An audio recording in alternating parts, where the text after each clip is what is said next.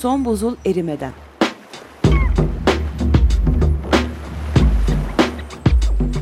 Küresel iklim değişikliğinin bilimsel gerçekleri üzerine.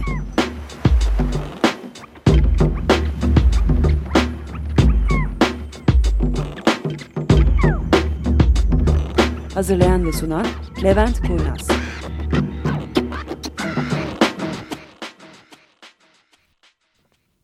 Merhabalar. 4 Ağustos 2009 Salı hoş geldiniz. Hoş geldiniz.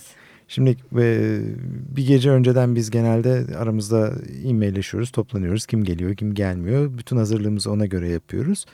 Esasında bizim burada minimum dört kişi olmamız gerekiyordu. Yalnız iki tanesi son anda bizi sattı. Şey ben otobüs durağındayım esasında otobüse bineyim mi binmeyeyim mi? Tamam Hamzacığım binme otobüse sen evine geri dön. E, diyerek sadece iki kişi kaldık. Onun için bugün birazcık aramızda top çevireceğiz. Bildiğimiz konulardan bahsetmeye çalışacağız. Bakalım. Çünkü e, gittikçe daha nahoş şeylerden bahsetmemiz gerekiyor. Bugünkü konumuz bildiğiniz gibi 6 dereceyi inceliyorduk. 6 derecenin 5 derecesindeyiz. Şimdi e, şöyle basit bir şey söyleyeyim. Kitabı okuduysanız ya da en azından gördüyseniz birinci konudan başlayarak yani bir dereceden başlayarak her derecenin kalınlığı gittikçe azalıyor. Yani 5 derece sadece 20 sayfa. en en en uzunu 3 dereceydi sanırım. Öyle bir şeydi yani o oralarda 60-70 sayfaya çıkan şu anda 20 sayfaya düştük. Dolayısıyla konuşacak esasında çok fazla bir şey de yok 5 derece hakkında. Çünkü söyleyeceğimiz şeyler gerçekten çok ciddi tüyler ürpertici olacak 5 dereceyle ilgili olarak neler başımıza gelebileceği konusunda. Şimdi bu konuya giriş yapmak açısından öncelikle şunu söyleyeyim. Ee, dünya şu anda daha doğrusu iklim açısından bakıldığında dünya temelde iki denge noktasına sahip. Bunu başka programlarda da bundan bahsetmiştik. Bunlardan bir tanesi dünyada buz olduğu ve neredeyse tamamının buzla kaplandığı durum. Buna kartopu dünyası deniyor. Kartopu. Diğeri snowball. Snowball evet. kartopu dünyası deniyor. Her tarafın buzla kaplandığı durum. İkinci denge noktası da bütün buzulların eriyip kutuplarda bile gayet bildiğiniz tropik hayvanların yaşayabildiği denge durumu. Ve dünya geçtiğimiz en azından canlılardan bildiğimiz üzere 550 küsür 560 milyon yıldır bu iki denge durumu arasında gidip geliyor. Yani bu iki denge noktası daha önceki yüzyıllarda yani olmuş olan şeyler değil mi hocam dönemlerde? Şimdi e, şöyle kutuplarda tropik hayvanların yaşadığı evet onu biliyoruz. Yani buzulların tamamen erimiş buzulların olduğu. Buzulların tamamen erimiş olduğu var. Ama Hı. bütün dünyanın buzla kaplanmış olduğu sadece varsayım. Onunla ilgili kanıt şu anda yok. Anladım. Sadece olabildiğinden bahsediyoruz. Şimdi bütün bunlara baktığımızda yavaş yavaş sıcaklık artıyor, azalıyor ve biz şu anda esasında buzullarla kaplı olmaya biraz daha yakınız sıcaklık olarak. Yalnız burada akılda tutulması gereken temel nokta sıcaklık değişiklikleri genelde hiçbir zaman kısa sürede gerçekleşmiyor. Çok önemli olan şey bu. Hocam benim kafam karıştı. Hı. Söyle şu anda, canım. şu anda biz hani buzullarla ilgili olana daha yakınız dediniz ya sıcaklık olarak. Evet. Orada tam olarak neyi kastettiniz? Bu okyanus akıntılarının durmasından dolayı. Şimdi e, bu iki denge noktası arasında eğer dünyada herhangi bir yerde buzullar hala varsa bu buzul tarafına yakınız demek. Şu anda Antarktika buzullarla kaplı. Kuzey Buz Denizi'nde buzlar var. Ve bu buzdan kastımız sene boyunca erimeyen buz. Tamam. Durum buysa eğer o zaman şu anda biz buzla kaplı olmaya yani soğuk zamana biraz daha yakın. Şimdi benim elimde bir grafik var hafifçe oradan size e, bahsedeyim bu şimdi sıcak ve soğuk zamanlardan bahsediyoruz. Yaklaşık olarak bir 80-100 milyon yıl önce bir sıcak zamandan geçilmiş. Ondan önce yaklaşık 250 milyon yıl önce bir sıcak zamandan geçilmiş. Sonra 380 milyon yıl önce bir sıcak zamandan geçilmiş.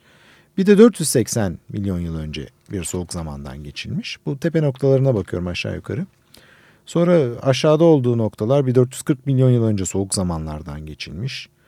320 milyon yıl civarında bir soğuk zamandan, 150 milyon yıl civarında bir soğuk zamandan Ve son zamanlarda da hava gittikçe soğuyor esasında gezegenimize baktığımızda. Şimdi bütün bunlarla ıı, iç içe olan bir şey var. Bu unutulmaması gereken şeyler. Bu baktığımız grafik 542 milyon yıl diyor benim elimdeki grafik. En son Wikipedia'dan benim dün indirdiğim. 500'lü yıllardan 500 milyon yıllardan bahsediyoruz ve buradaki herhangi bir basit değişiklik esasında birkaç milyon yılda olan değişiklik. Dünden bugüne, bugünden yarına bir değişiklik yok. Şimdi özellikle bugünün konusu niye bu konuya girdik? 65 ee, son 65 milyon yılda yaklaşık tam sanıyorum 55 milyon yıl önce bir olay var. Buna paleosin, eosin e, ısı maksimumu deniyor.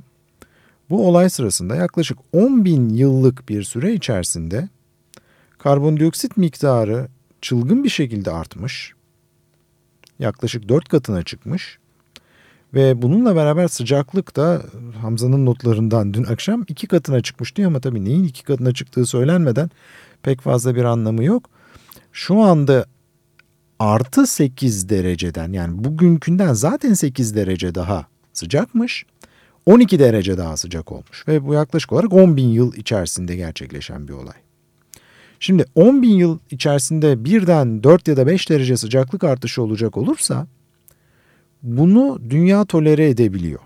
Canlılar, yaşayan Tabii. canlılar. Şimdi e, çok basit bir örneği bu işin başlangıcında bir takım bilim adamları Kanada'nın kuzeyinde başka bir çalışma için veri topluyorlar. Bu çalışmada şu, bir takım canlı türleri hem Avrupa'da var hem Amerika'da var hem Asya'da var.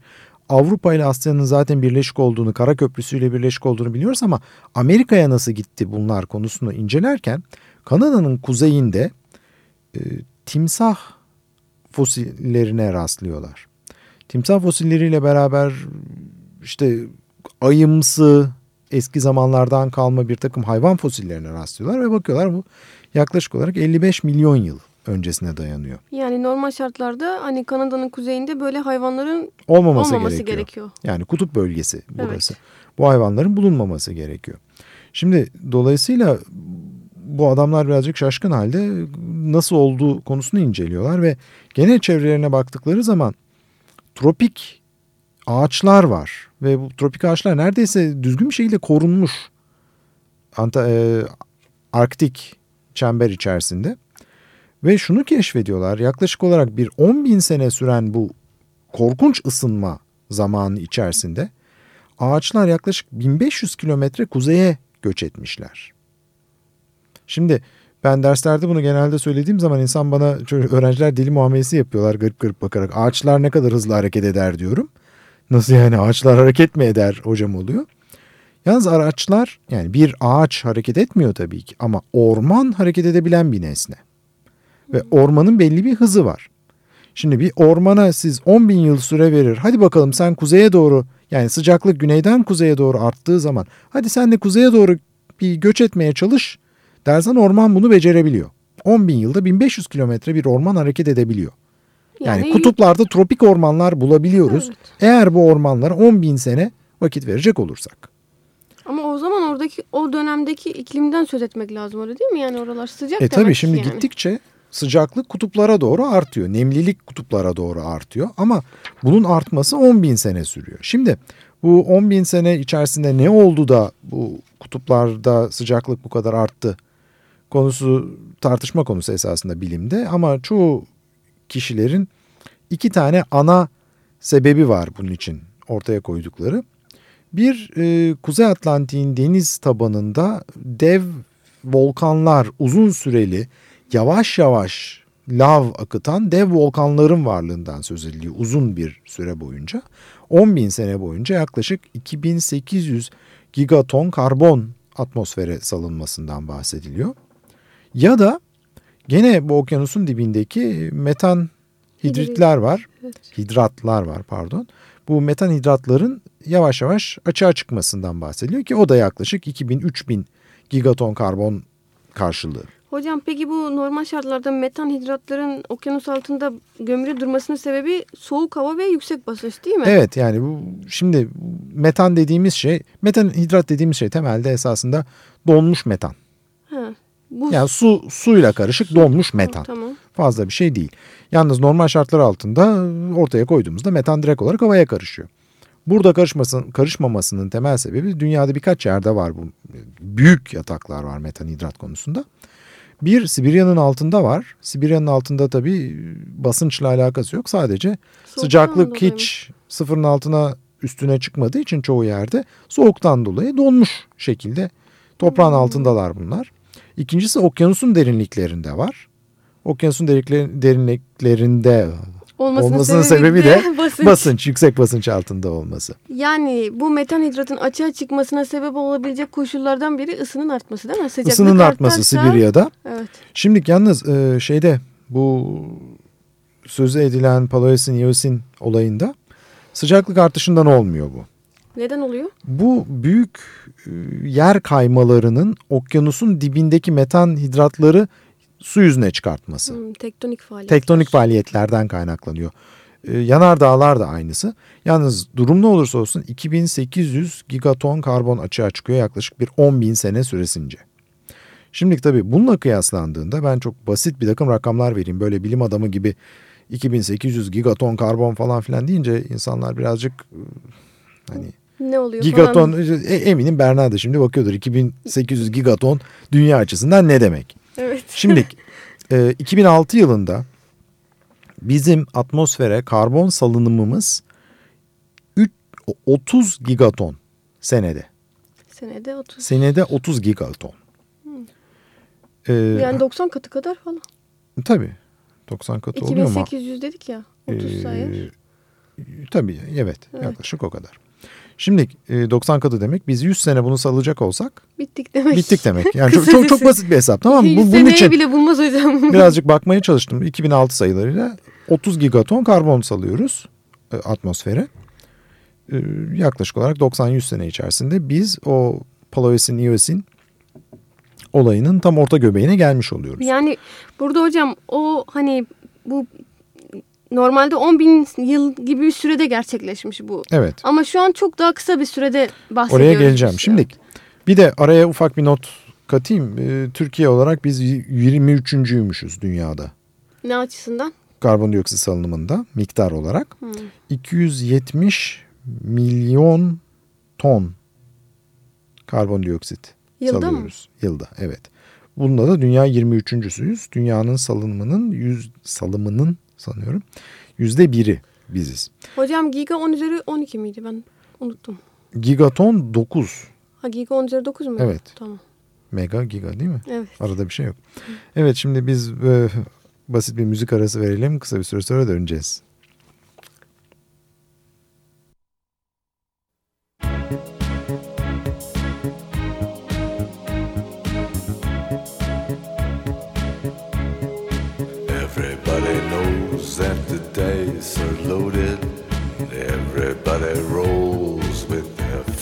Fingers crossed. Everybody knows the war is over. Everybody knows the good guys lost. Everybody knows the fight was fixed. The poor stay poor, the rich get rich. That's how it goes.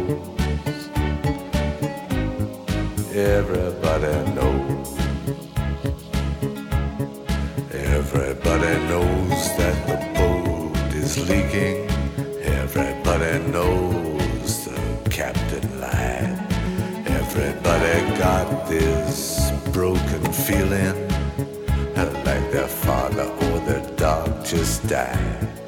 Everybody talking to their pockets. Everybody wants a box of chocolates and a long stem rose. Everybody knows.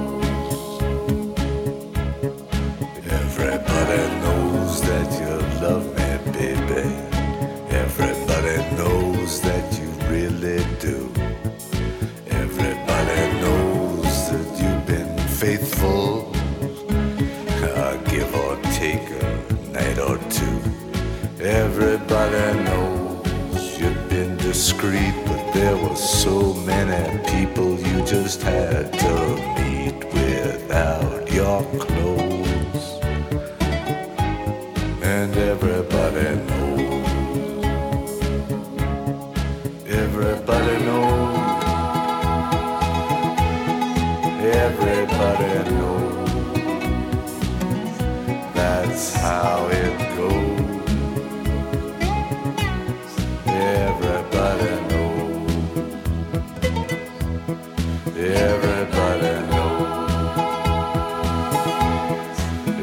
Everybody knows.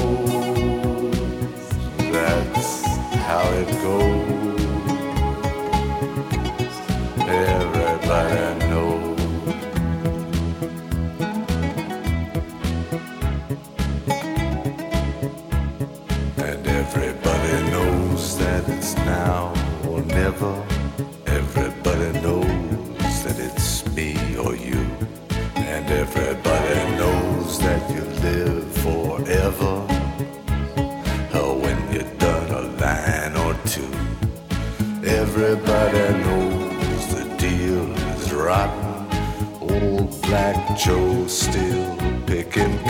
Cotton for your ribbons and bows.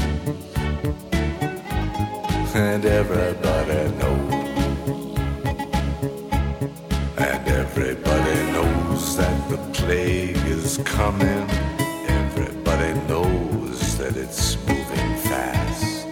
Everybody knows that the naked man and woman are just a shining artifact of the past. Everybody knows dead, but there's gonna be a meter on your bed that will disclose what everybody knows. And everybody knows that you're in trouble. Everybody knows what you've been through. From the bloody cross on top of Calvary beach in Malibu. Everybody knows it's coming apart. Take one last look at this sacred heart before it blows. And everybody knows. Everybody knows. Everybody knows. That's how it goes. Everybody knows. Everybody knows. Everybody knows. That's how it goes.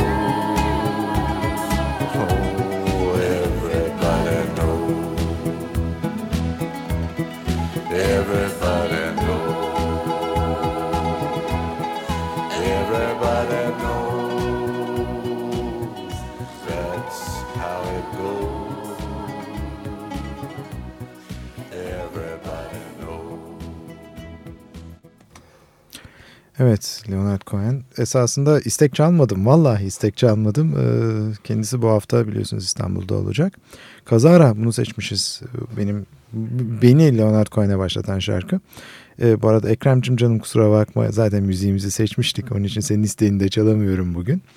Şimdi e, tekrar geri dönelim. Birazcık neşeli bir sesle konuşuyorum. Bundan sonrası işin kötü gitmeye başlayacak. Onun için kusuruma bakmayın.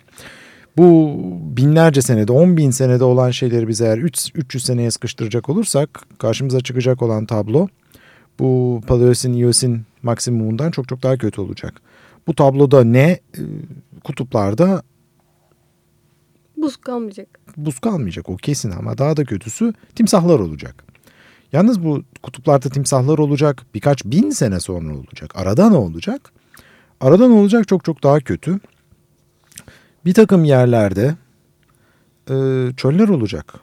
Mesela adamlar isimleriyle söylüyor. Kuzey Amerika çölü diye bir çöl çıkacak ortaya. Kuzey Amerika. Hani biz gayet güzel Sahra çölünü biliyoruz. Kalahari biliyoruz. Gobi Gobi, biliyoruz. biliyoruz. Bunun üstüne Kuzey Amerika çölü diye bir yer gelecek. Patagonya çölü diye bir yer gelecek. Hocam Avustralya- olduğu yer. Amazon çok çöl değil ama kurak Hı. bir bölge. Avustralya çölü olacak. Gobi çölü büyüyecek Çin'de e, durun hangi taraf oluyor? Doğuya doğru. Sonra Sahra kuzeye doğru, Kalahari güneye doğru. Bunlar öncelikle önce bu gelecek başımıza. Yani iklimin birden kuraklaşmasından dolayı çöller büyüyecek. Ondan sonraki birkaç bin sene içerisinde tabii yağış özellikle mansunun artmasından dolayı Ganj ve Brahmaputra'nın akısı yüzde 50 artacak.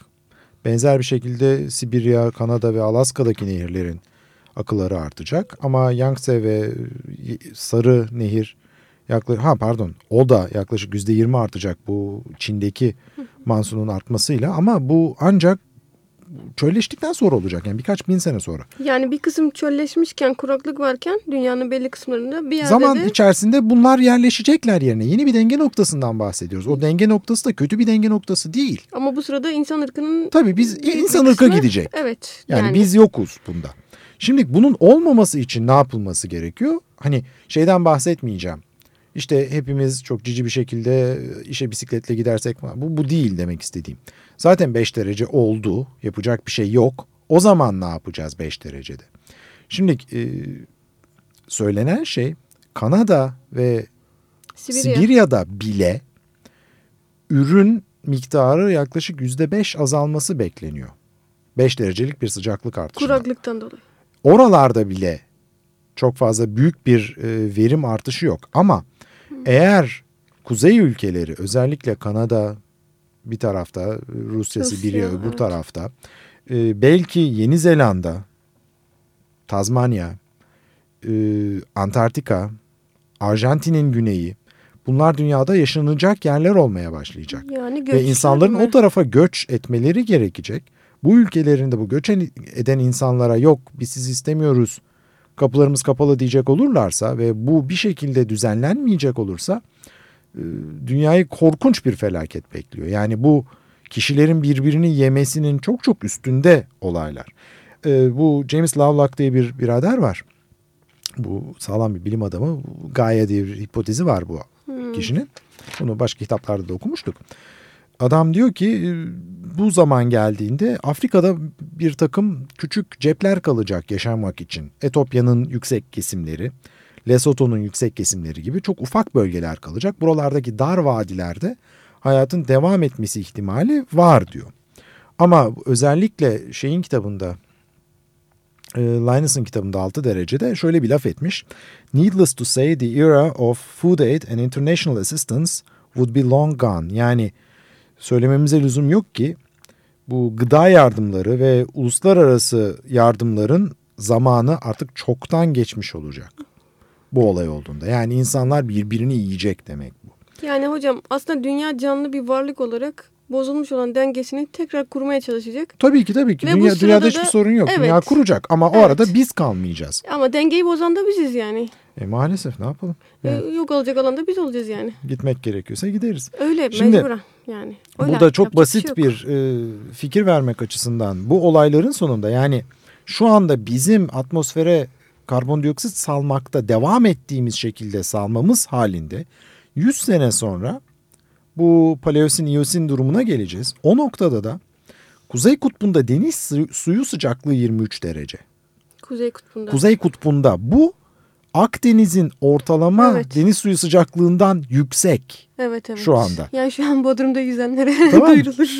Ve e, hava sıcaklığı da 25-26 derece olacak. Ve bunun kendisini toparlayıp tekrar buzlu bir hale gelmesi 15 milyon sene sürüyor. Yani... Kork, kork, korkunç rakamlar bunlar. Şimdi bu yalnız bir kez daha uyarıyorum bu daha 5 derece. Hocam 6 derece gören insan sayısı çok az olacak zaten. Ee, inşallah bu dinleyenlerin bugün hepsi gelecek hafta 6 dereceyi bizden dinlerler. Görüşmek üzere gelecek hafta. Her ne kadar gülerek anlatıyor olsak da gerçekten sinir bozucu bir durum. Haftaya görüşmek üzere. Hoşçakalın.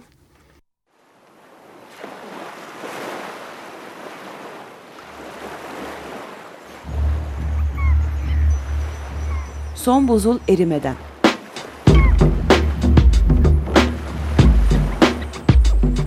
Küresel iklim değişikliğinin bilimsel gerçekleri üzerine.